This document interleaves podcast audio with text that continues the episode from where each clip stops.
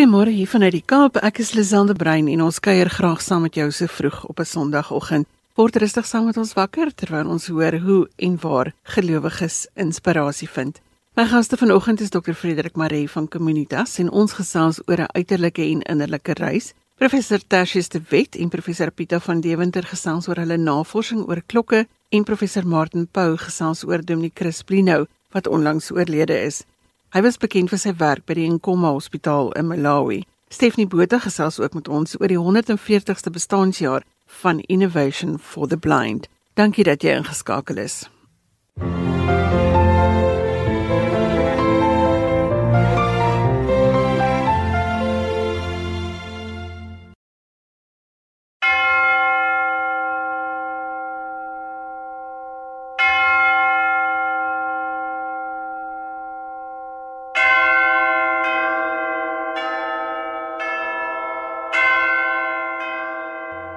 Professor De Wet is verbonde aan die Stellenbosch Universiteit by die Departement Statistiek en Aktuariële Wetenskap. Maar as jy nou niks van wiskunde af weet nie, soos ek, kan jy ontspan. Ons praat vanoggend oor kerkklokke en klokke in die algemeen, want dit is waarin Professor De Wet en sy kollega Professor Pieter van Deventer navorsing gedoen het. Ek wou by hulle weet, hoe bring ons wiskunde en die klank van klokke bymekaar? Môre Lisel, baie dankie vir die geleentheid om oor klokke te gesels. Lisel, ja, Op die oog af het wiskundige statistiek en die bestudering van klokke weinig met mekaar te doen. Maar dink aan statistiek as die ontwikkeling van modelle om fisiese verskynsels te beskryf en te bestudeer. Daarvoor is data 'n noodsaaklike bestanddeel. Die basiese beginsel is dan waar daar data is, daar speel statistiek 'n rol. Die lui van klokke lewer klankdata data wat opgeneem kan word en saam met fisiese afmetings asook klokvormdata gebruik kan word om 'n bepaalde klok of klokke te karakteriseer. As voorbeeld van 'n toepassing van statistiek kan die sogenaamde klassifikasieprobleem genoem word. Dit is 'n belangrike probleem wat ten doel het om 'n onbekende grootheid op grond van data daarop toe te deel aan een van 'n aantal moontlike bekende klasse. Hierdie probleem kom in verskeie vorms in studie van klokke voor. Byvoorbeeld by die identifisering van die gieter van 'n klok. Gieters het elke eie kenmerkende styl van giet in terme van klank, fisiese afmetings en klokvorms. Dikwels is die gieter van 'n klok onbekend en in so 'n geval kan die klank, fisiese en vormdata van 'n klok gebruik word om dit te klassifiseer as waarskynlik komende van 'n bepaalde gieter. Ons kan aan hierdie gebruik van statistiek dink as soortgelyk aan die gebruik daarvan om die onbekende outeurskap van 'n dokument aan 'n mees waarskynlike outeur toe te wys. Gieterherkenning is een gebruik van statistiek in die bestudering van klokke. Daar is baie ander gebruike veral waar klokke in harmonie saamgelui word en die lui kwaliteit daarvan bepaal moet word. Klankdata word dan gebruik om modelle te ontwikkel vir hierdie kwaliteitbepaling. Behalwe statistiek bied die bestudering van klokke ideale geleentheid om in die geskiedenis te delf. Veral in die Wes-Kaap is heelwat van die klokke, kerke en op plase van historiese belang. Dan is nie net die bestudering van die klok of klokke interessant nie, maar ook die kerk of plaas se eie geskiedenis en die verbintenis wat die klok se oorsprong daarmee gehad het. Ons navorsing is dus meer as net statistiek, maar 'n opwindende mengsel van statistiek en geskiedenis.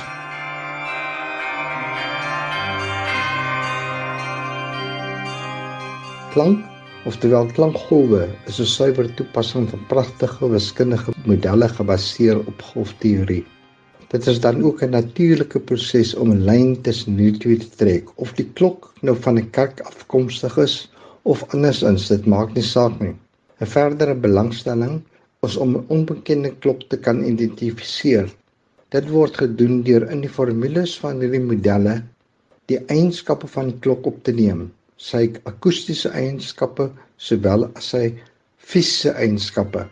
Ons modelleer dit dan en dan kan ons daar op daardie manier 'n onbekende klok identifiseer. Ek wil ook weet wat is die doel van klokke en dan nou meer spesifiek kerkklokke wil ek amper sê van die begin van tyd af.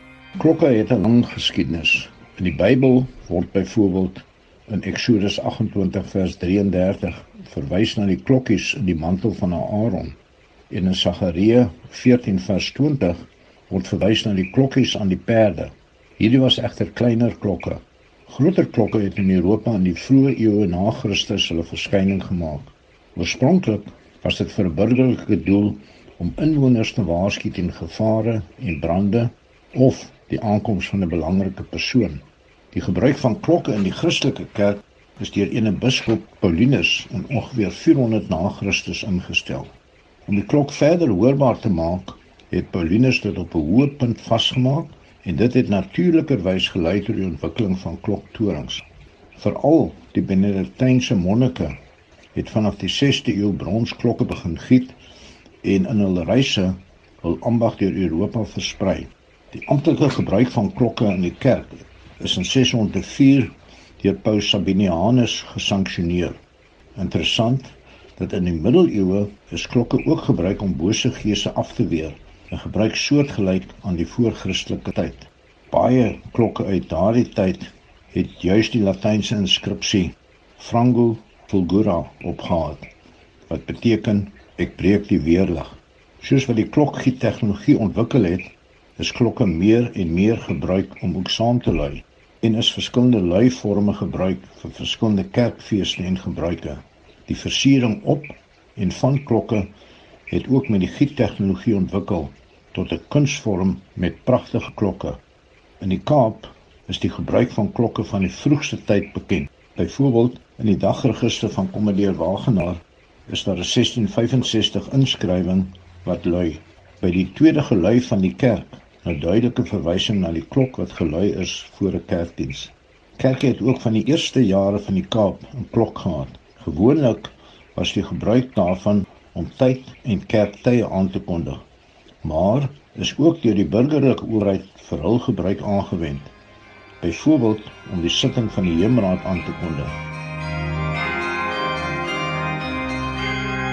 Soos ons gehoor het, word verskillende klokke vir verskillende geleenthede gebruik. Ek wou weet wat die motivering hiervoor is.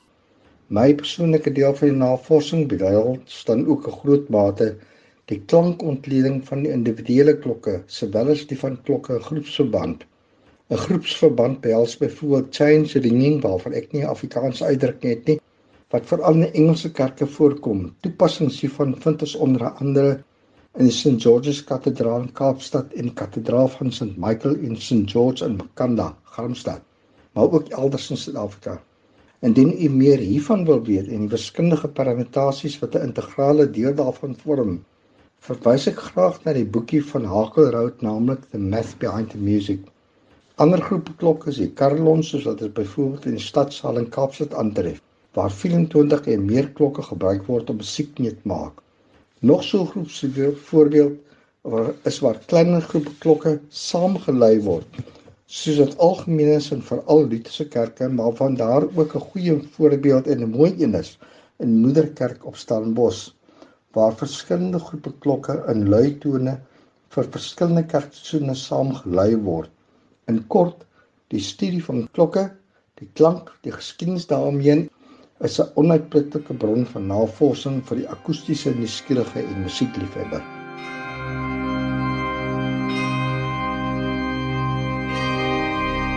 En natuurlik wou ek ook weet waarvoor die twee manne dankbaar is in die lewe. Lisel, dit is 'n baie vraag met soveel waarvoor ek in my lewe dankbaar is.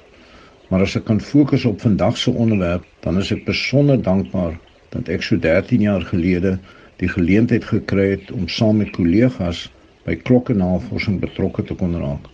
Dankbaar dat ek oor die jare die krag en vermoë gehad het om dit vol te hou, veral ook in die klim van uitdagende kloktorings. Ons navorsing het ons noodwendig by verskeie kerke van 'n verskeidenheid kerkgenootskappe gebring.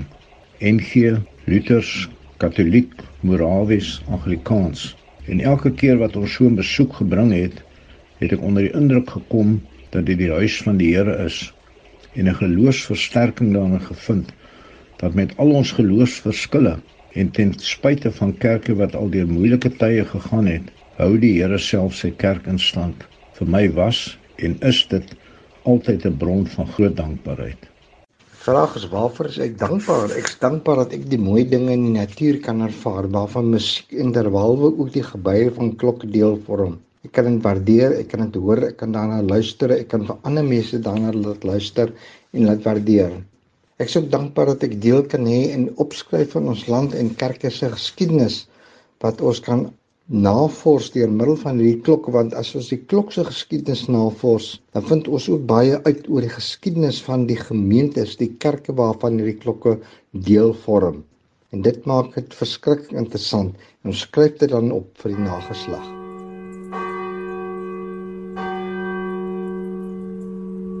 En so gesels professor Tertius de Wet en sy kollega professor Pieter van Deventer.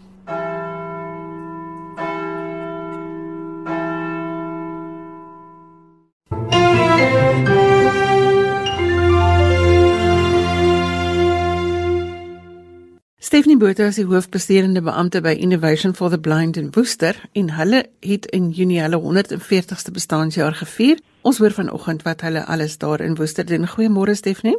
Goeiemôre Sel, baie dankie vir die geleentheid om met jou en die luisteraars te gesels. Vertel ons van Innovation of the Blind. Wat doen julle? So vir die wat niks weet van innovation nie, gee ek graag 'n kort oorsig. Ons bied reeds sedert 1881 dienste aan persone met visuele gestremthede.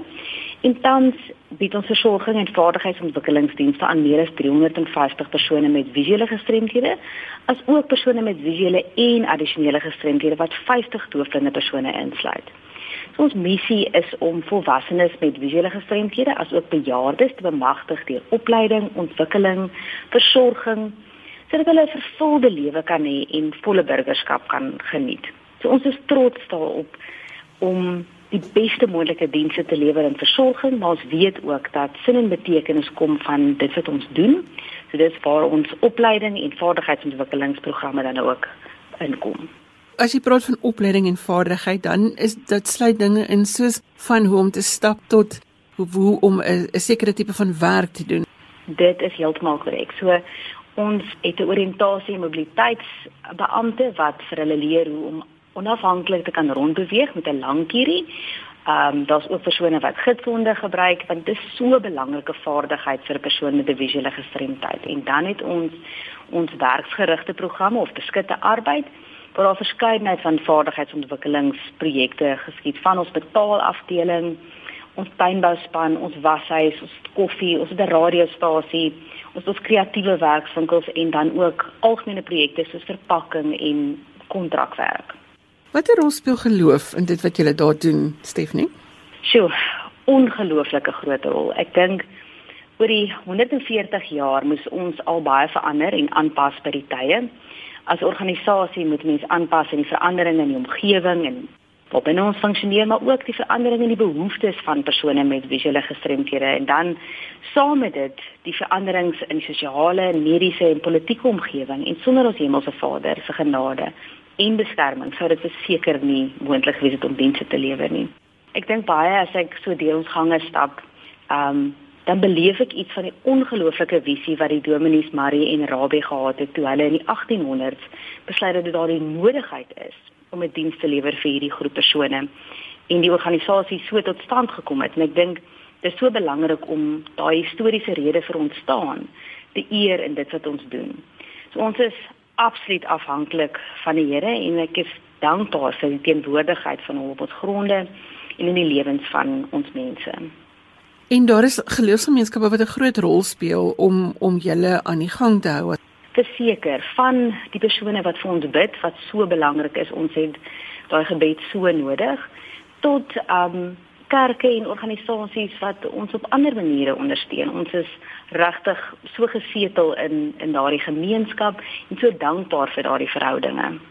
Hoe het julle julle 140ste verjaardag gevier in Junie? Dit was op die 15de Junie. So Natuurlik met COVID was dit dan nie moontlik om hierdie ongelooflike mylpaal te vier soos ons graag sou wou nie.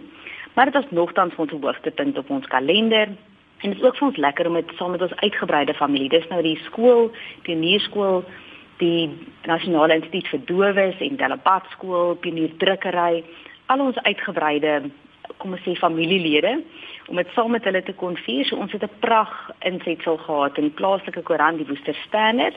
Ons het ook um, op ander media platforms met ons donateurs en vriende van die organisasie en vennote sommer staaltjies gedeel en ons historiese mylpale ook so deurgegee en dan natuurlik op die 15 het ons almal saam kolwyntjies geëet en um die gronde met pragtige vlaggies versier wat ons eie mense gemaak het. Stefanie, as ek my wasgoed ophang dan weet ek iemand het daardie wasgoedpennetjie verpak. Hoe lyk die suksesverhale van Innovation for the Blind? So by innovation sê ons altyd ons streef daarna om nie net sukses te behaal nie, maar om van waarde te wees vir ander. Nelson Mandela het so mooi sê ding wat hy gesê het. Hy sê wat in die lewe tel is nie die feit dat ons geleef het nie. Die sin en betekenis van ons lewens word bepaal deur die verskil wat ons in ander se lewens maak. So sukses by innovation is vir ons aangesetel om 'n beter toekoms te skep vir persone met visuele gestremthede.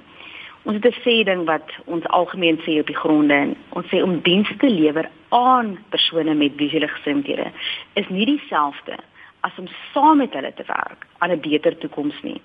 En om geleenthede te ontsluit vir persone met visuele gestremthede om hulle potensiaal te bereik. So een van die voorbeelde hiervan is ons nuwe hulpbronsentrum.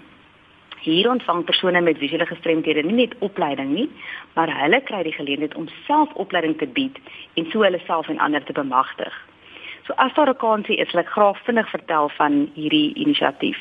Jy kan asseblief dit deel. Okay, so die Hulbron sentrum bestaan uit 3 afdelings. Dis 'n uitbreiding van ons bestaande rekenaarlokaal vir doofblinde persone, dan 'n rekenaar en algemene opleidingsentrum en dan 'n barista opleidingslokaal. Die eerste is Henny Randall, self 'n doofblinde persoon, die persoon wat die opleiding bied.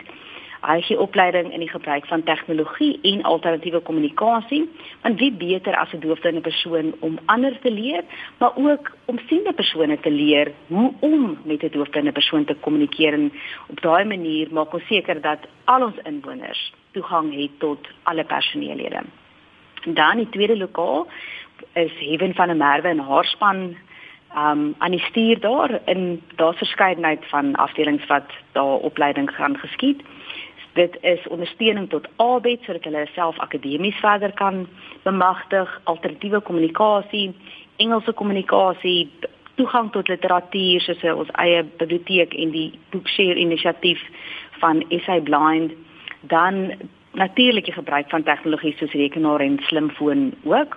En dan laaste maar nie die minste nie, is ons barista opleidingslokaal en dit is waar Joseph Matita um inskakel en hy studeer tans om die eerste internasionaal geakkrediteerde blinde barista opleier te word. So dit is 'n 'n mondvol en ons is so ongelooflik trots op hom want hier wanneer hy klaar is met sy opleiding gaan persone met visuele gestremthede die kans in die toekoms kry om opgelei te word as geakkrediteerde baristas wat hulle bemagtig vir die oop arbeidsmark en op daai manier vir hulle waardigheid en onafhanklikheid um finansiëel te gee en dat hulle deel is van die ekonomiese vooruitgang van ons land. So ons is verskriklik opgewonde oor hierdie nuwe inisiatief en elke dag daar is my vreugde om te sien dit wat ons mense kan doen en waartoe hulle in staat is. As jy iemand nodig het om die barista se koffie te proe, dan sal ek my dienste aanbied daar by julle. Baie welkom. Ek het gesels met Stephanie Botha, sy is die hoofbestuurende beampte van Innovation for the Blind. Stephanie, kan ek vra as iemand sit en hulle beplan 'n projek waarvoor hulle nie noodwendig die die kapasiteit het nie, kan hulle julle kontak en vra of julle met so iets sou kan help? Verseker. Persone wat graag meer inligting wil hê oor ons dienste of dit nou vaardigheidsontwikkeling of enig van ons ander dienste is of wat 'n idee het of 'n voorstel het vir 'n werksgeleentheid of enige ander, kan ons kontak um, by 023 347 2745 of stuur vir ons 'n e-pos na info@innovationfortheblind.org of besoek selfs ons Facebook of webwerf en um, maak so met ons kontak. Daardie besonderhede sal ook op Sondag Joernaal se Facebookblad wees en ook op RSG se webwerf. Die nommer is 023 347 2745 of info@innovationfortheblind. Stephanie baie dankie vir die inligting wat jy met ons gedeel het. Baie dankie. Ek hoop jy is vanoggend dankbaar vir al jou sintuie. sien, hoor, proe, voel en ruik. Dis nie altyd vir almal beskore nie. Laat weet vir ons waarvoor jy dankbaar is. Ek hoor graag van jou of jy inspirasie kry hier by ons op 'n Sondagoggend. Die SMS nommer is 45889.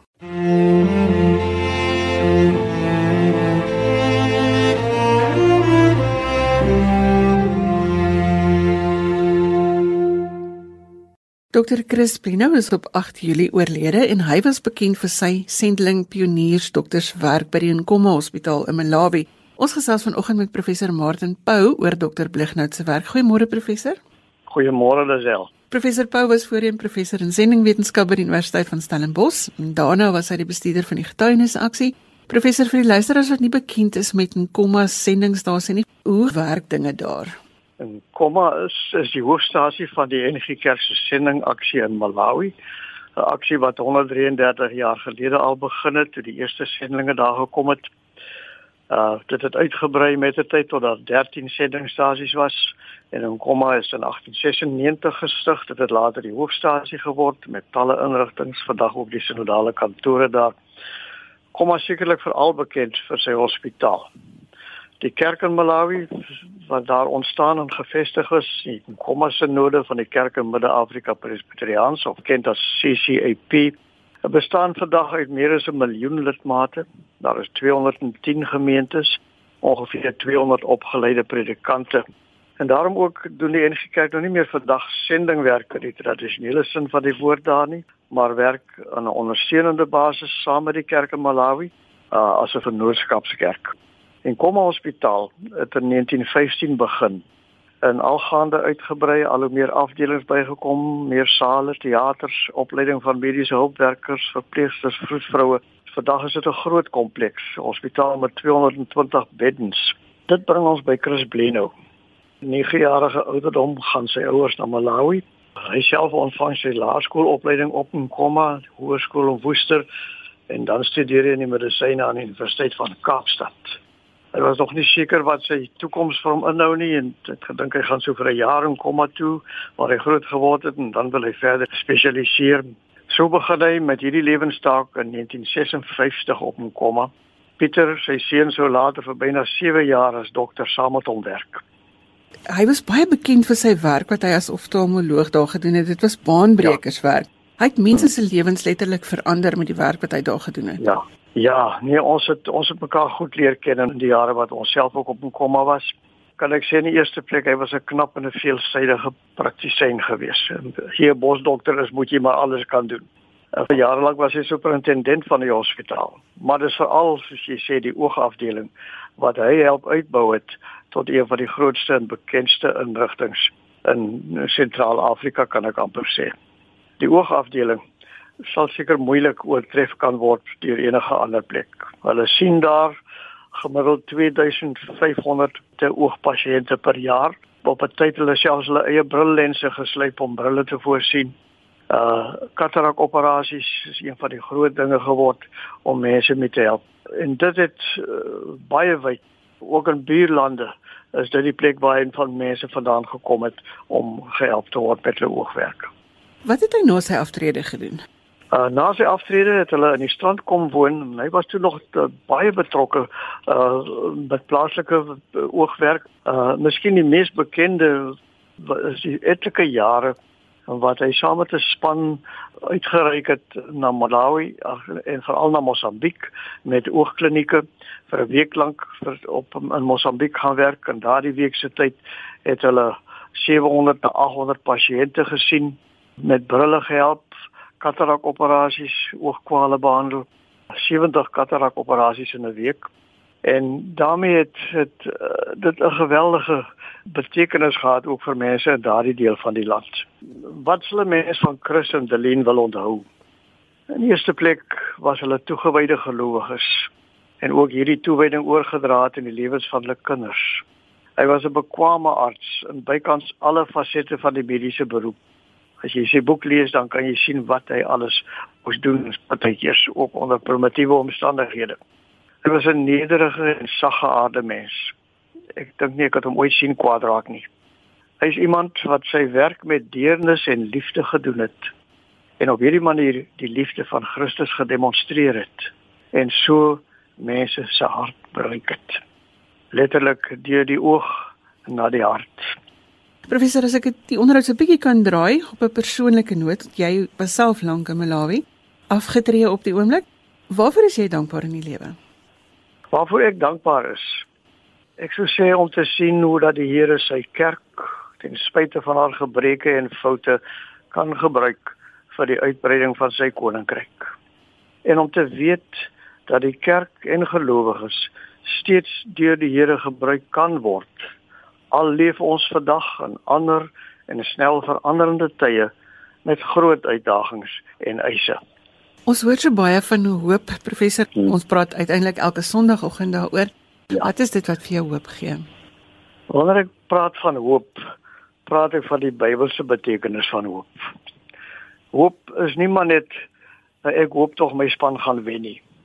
Dis die hoop wat vir ons weggelê is in Christus. Die hoop wat vir ons 'n vaste verwagting en 'n vertroue wil gee. Hoop wat 'n seker element van sekerheid omdra. Dis die hoop waarvan 1 Korintiërs 13 praat, geloof, hoop en liefde. Wat die sleutel is vir ons saambestaan en die sleutel vir die sin en betekenis van die lewe is. Wat gee vir my hoop? Ja, sjoe.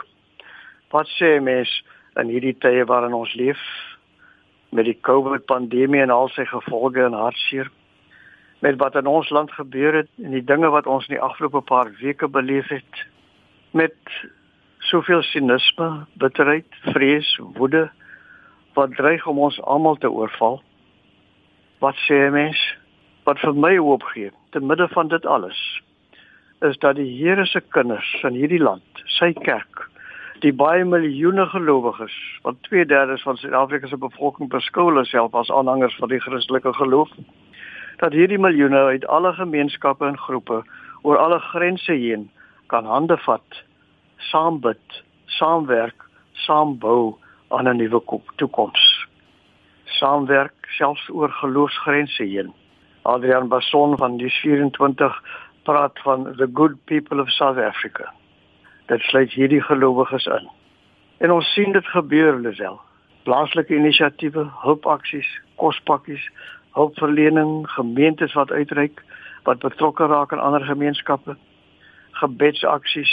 Hier was 'n rukkie terug op video wat versprei het oor gelowiges wat by 'n hospitaal in Alberton saam gestaan het en saam gebid het en saam gesing het how great thou art. Gebedsaksies, omgee groepe En dit beteken ook ons as individue.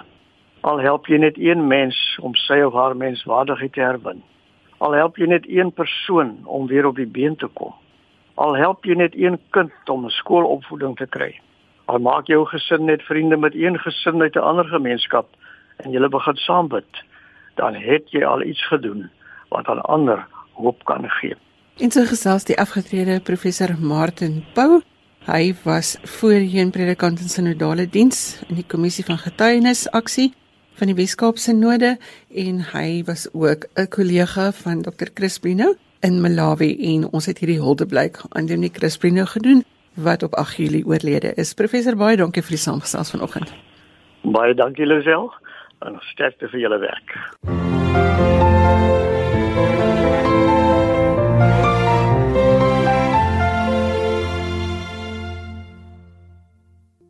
Jy is ingeskakel op Sondagjoernaal en ons gesels met mense oor hulle belewenis van godsdiens en geloof. Dr. Frederik Maree het al vele hoede gedra, predikant, dosent, hy is verbonde aan Communitas en hy is ook verantwoordelik vir die Pelgrimstog van Hoop. Ons gesels vanoggend oor meer as net een reis. Goeiemôre Frederik. Goeiemôre Lisel en ook aan die luisteraars. Dit is my baie lekker dat ons so gereeld met jou kan gesels oor meer as een reis. Daar's 'n nuwe roete bygevoeg vir die Pelgrimstog van Hoop wat jy onlangs bekend gestel het. Vertel ons daarvan. Dis wel, ja, dankie vir die voorreg dat ons weer hieroor kan praat. Die Pelgrimstog van Hoop weet van die luisteraars uh, se roete is van Kaappunt tot by Kaapagullas. Uh en nou het daar ook 'n tweede roete bygekom in die Suid-Kaap. En dis 'n roete wat loop vanaf Uniondale deur die Langkloof uh, deur die uh, Outeniqua berge en uiteindelik tot by die punt by Mosselbaai waar die vuurtoring bekend staan as St Blaise. Die roete het ontstaan nadat uh, Dominee Gert Notnagel van Herald gemeente my vertel het van sewe buitekerkies wat die gemeente het. Dit is letterlik so in die landkloof van die vlug af. Dit is daar amper naby Nysna die gemeente ou historiese kerkies wat min of meer 20 km van mekaar af is. En dit maak dan nou 'n baie lekker raamwerk uh, uit sodat pelgrims dan by die kerkies kan aandoen en in sommige gevalle selfs by die kerkies kan oorslaap. En ons het so 2 weke gelede het 'n uh, span van ons uh, vir die eerste keer die hele roete gaan stap. En dit lyk my dit gaan so 14 dag uh, roete wees uh, deur die ongelooflikste mooi natuurskoon en heerlike pelgrimspaaie waar waar mense kan stap. As mense belangstel, kan hulle gerus vir Gert Notnagel kontak.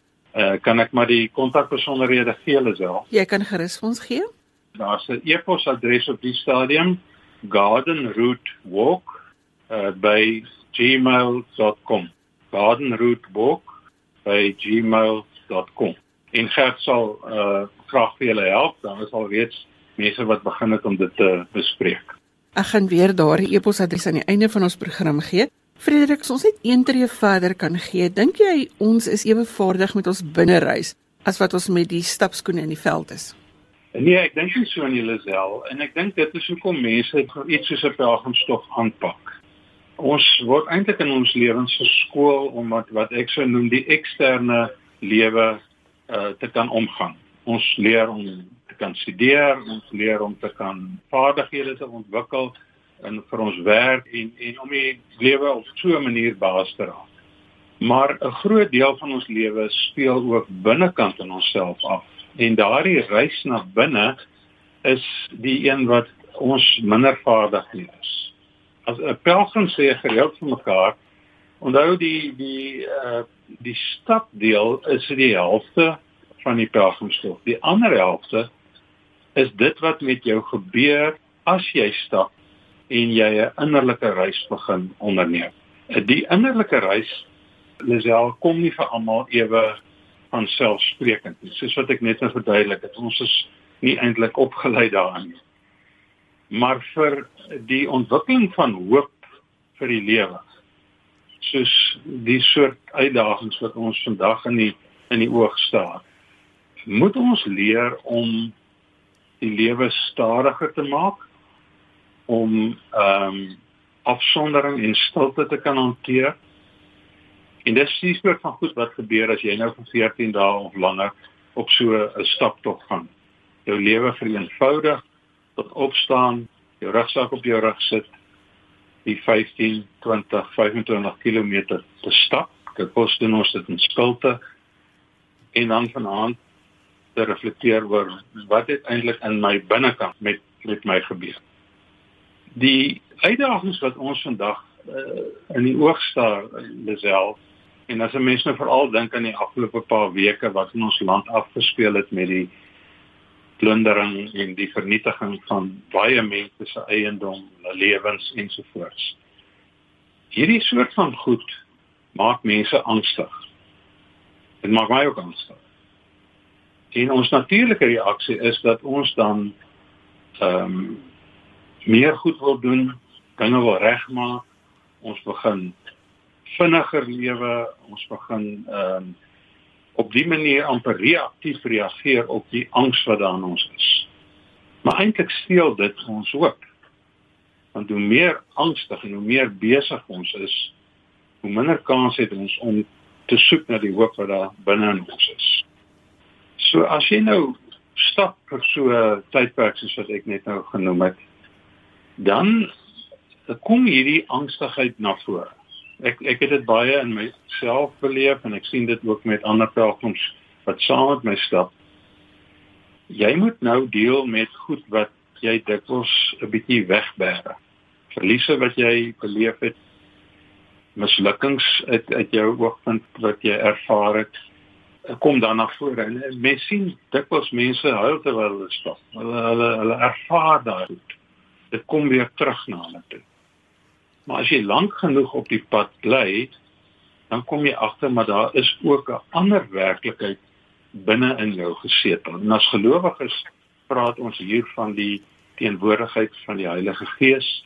Ons praat van ons vereniging met Christus waarvan 'n mens dan bewus word.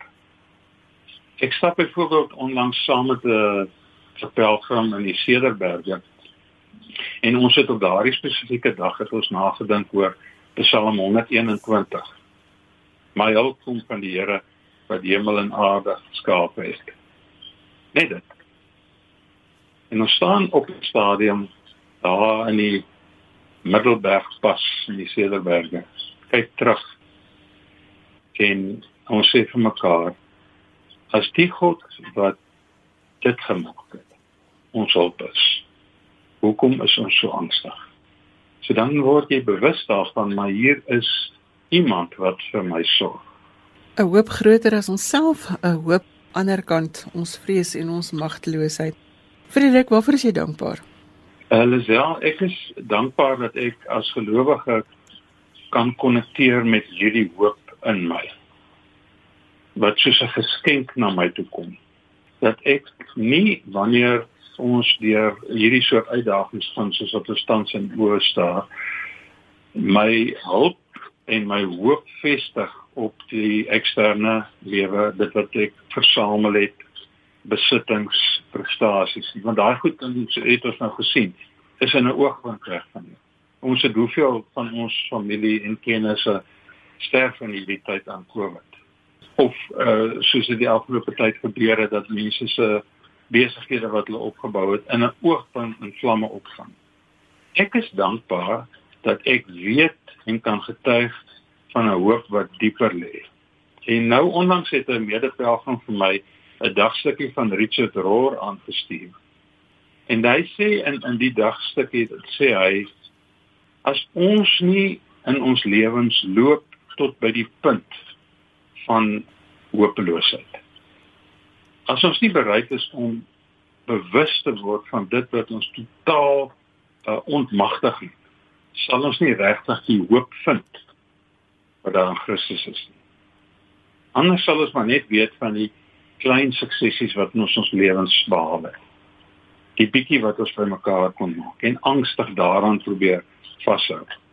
Maar ons het 'n hoop nodig wat groter is as onsself.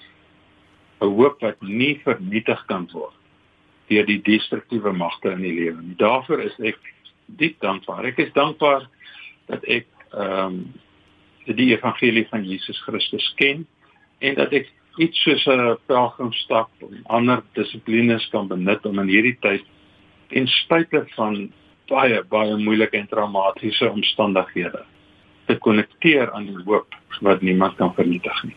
En so gesels dokter Frederik Maree, hy is verbonde aan Communitas en hy is ook verantwoordelik vir die pelgrimstog van hoop. Frederik, baie dankie vir die saamgesels vanoggend. Dankie Lisel. En daarmee is dit tyd om te groet. Volgende Sondag is ons weer hier op dieselfde tyd met nuwe stories uit die wêreld van geloof en godsdiens. Ons gaste vanoggend was dokter Frederik Maree van Communitas, professor Tertius de Wet en professor Pieter van Deventer, professor Martin Pau en Stephanie Botha. Ek hoop jy het heerlik saam met ons gekuier. Ons program is as 'n potgooi beskikbaar. Jy kan dit op die webwerf gaan kry onder die potgooi soekopsie en dan soek jy daar vir Sondag hierna met vandag se datum. Jy kan dit ook kry op iHono FM. Dit is i o n o.fm en daar soek jy ook vir Sondag hierna. Ek groet. Dankie dat jy ingeskakel is. Onthou om 'n verskil te maak in iemand se lewe met 'n dankie en 'n glimlag. Tot volgende week van Myle Zelderbrein. Totsiens.